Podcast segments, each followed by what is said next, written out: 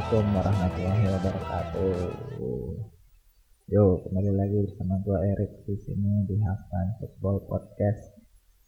Oke, ini mungkin akan jadi episode podcast gue yang eh, paling singkat mungkin ya. Cuman gue pengen banget nih bahas salah satu, bukan salah satu, membahas tim ini gitu. Salah satu tim yang paling mengejutkan di Serie A musim ini. Mungkin lu semua udah tahu lah ya tim paling mengejutkan Serie A musim ini adalah Udinese.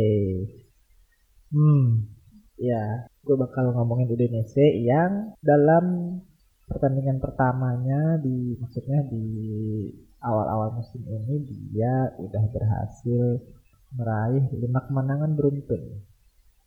Dan dari lima kemenangan beruntun itu dia ngalahin dua tim besar dan satu tim papan tengah atau tiga tim Seven Sisters. Jadi dia ngalahin yang pertama Roma, kedua Fiorentina, yang ketiga terakhir kemarin dia ngalahin Inter. Ya, gue nanya bahas dia sih karena terutama karena dia habis ngalahin Inter kemarin ya. Yang mana gue nonton langsung gitu pertandingannya dan di situ gue lihat Udinese ini memang bisa jadi salah satu tim yang berpeluang jadi uh, kuda hitam ataupun bahkan bisa uh, mengejutkan di musim ini gitu. Yang mana maksudnya ya dia sih berpeluang sih menurut gue bisa jadi kayak Atalanta gitu.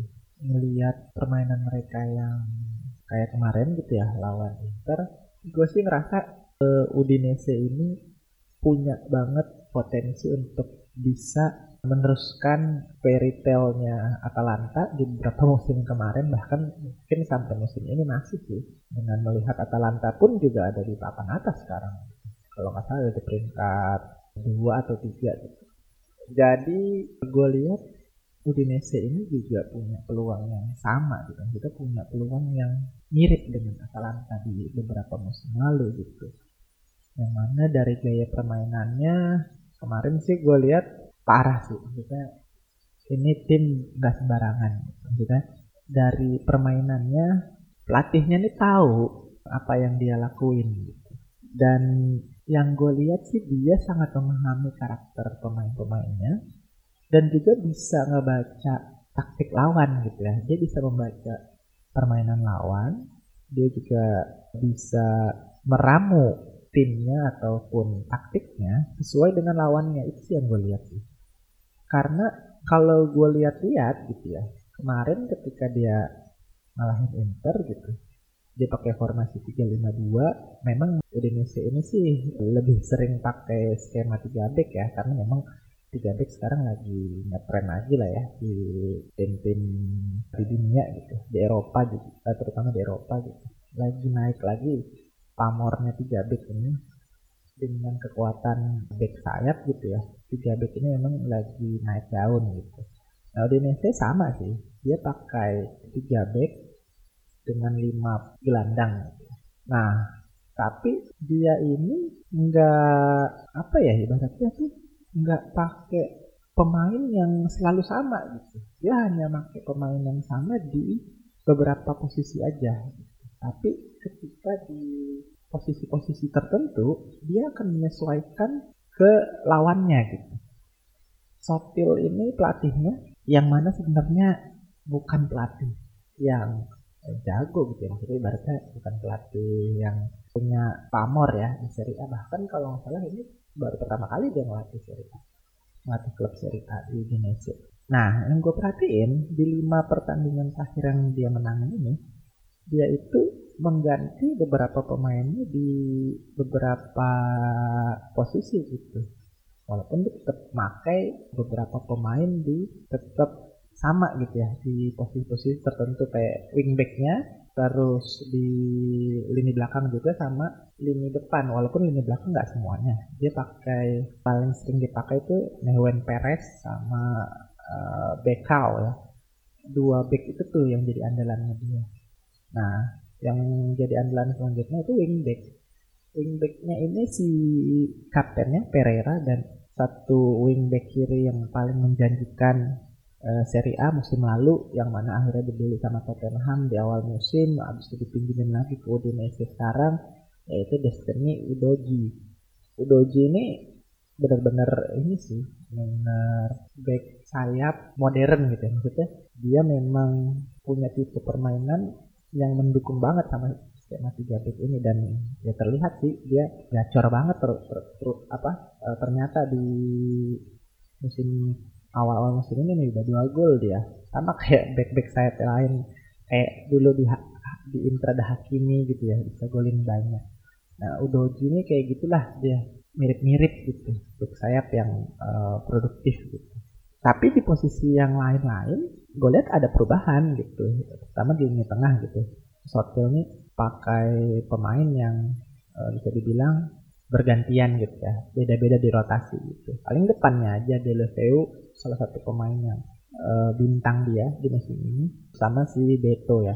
Beto ini juga salah satu striker yang gue suka sih musim lalu tuh. Gue liat mainnya oh badannya gede kuat larinya kenceng bisa gocek gitu. Wah itu sebenarnya striker lengkap kayak gitu ya cuman ya mungkin dia masih kurang jam terbang aja gitu ibaratnya jadinya uh, belum dilirik klub uh, besar gitu ya. Cuman dia punya potensi sih untuk bisa dilirik klub besar.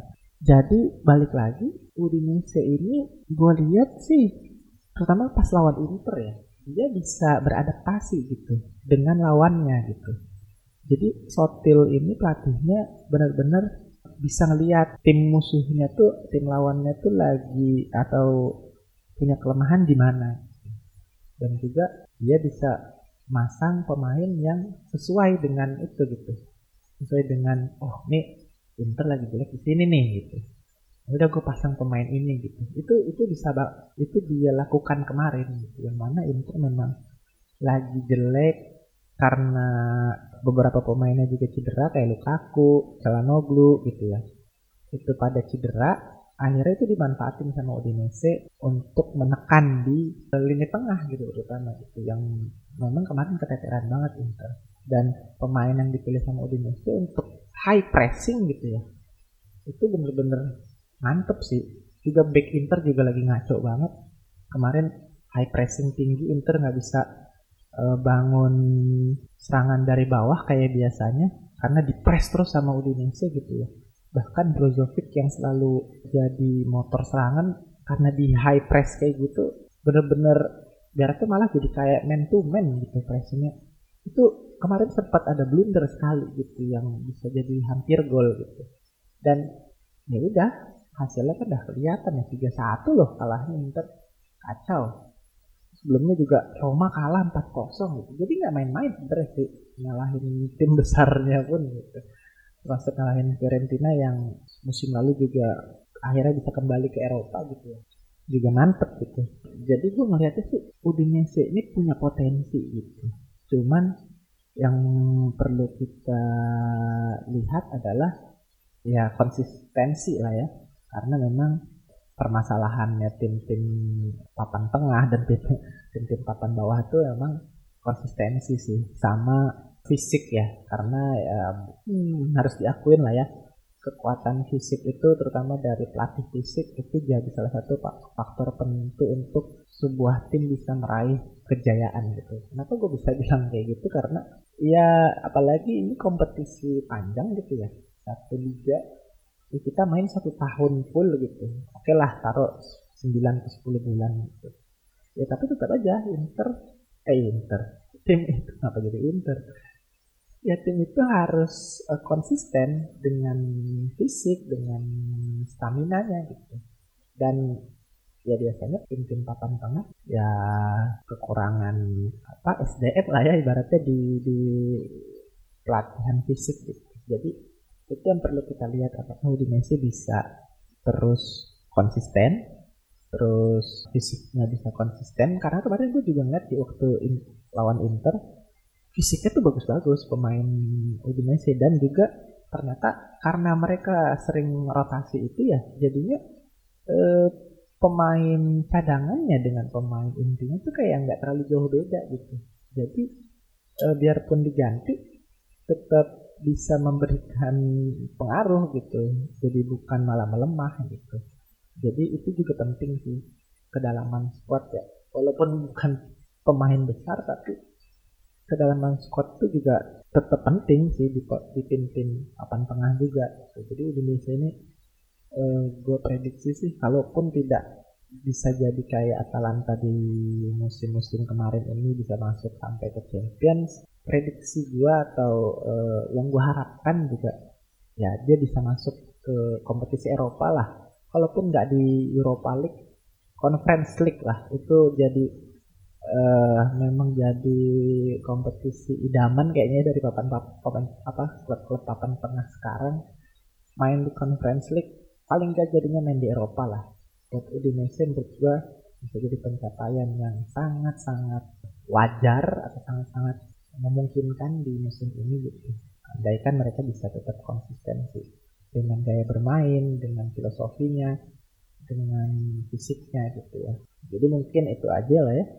Ya walaupun memang kita tahu Indonesia itu dari zaman ke zaman sih memang eh, terkenal juga sih penghasil pemain-pemain yang cukup berbakat maksudnya ya kita tahu lah beberapa musim lalu ada Rodrigo De Paul yang dulu mungkin kita paling tahu tuh ada Sanchez, ada Di Natale legendnya gitu ya.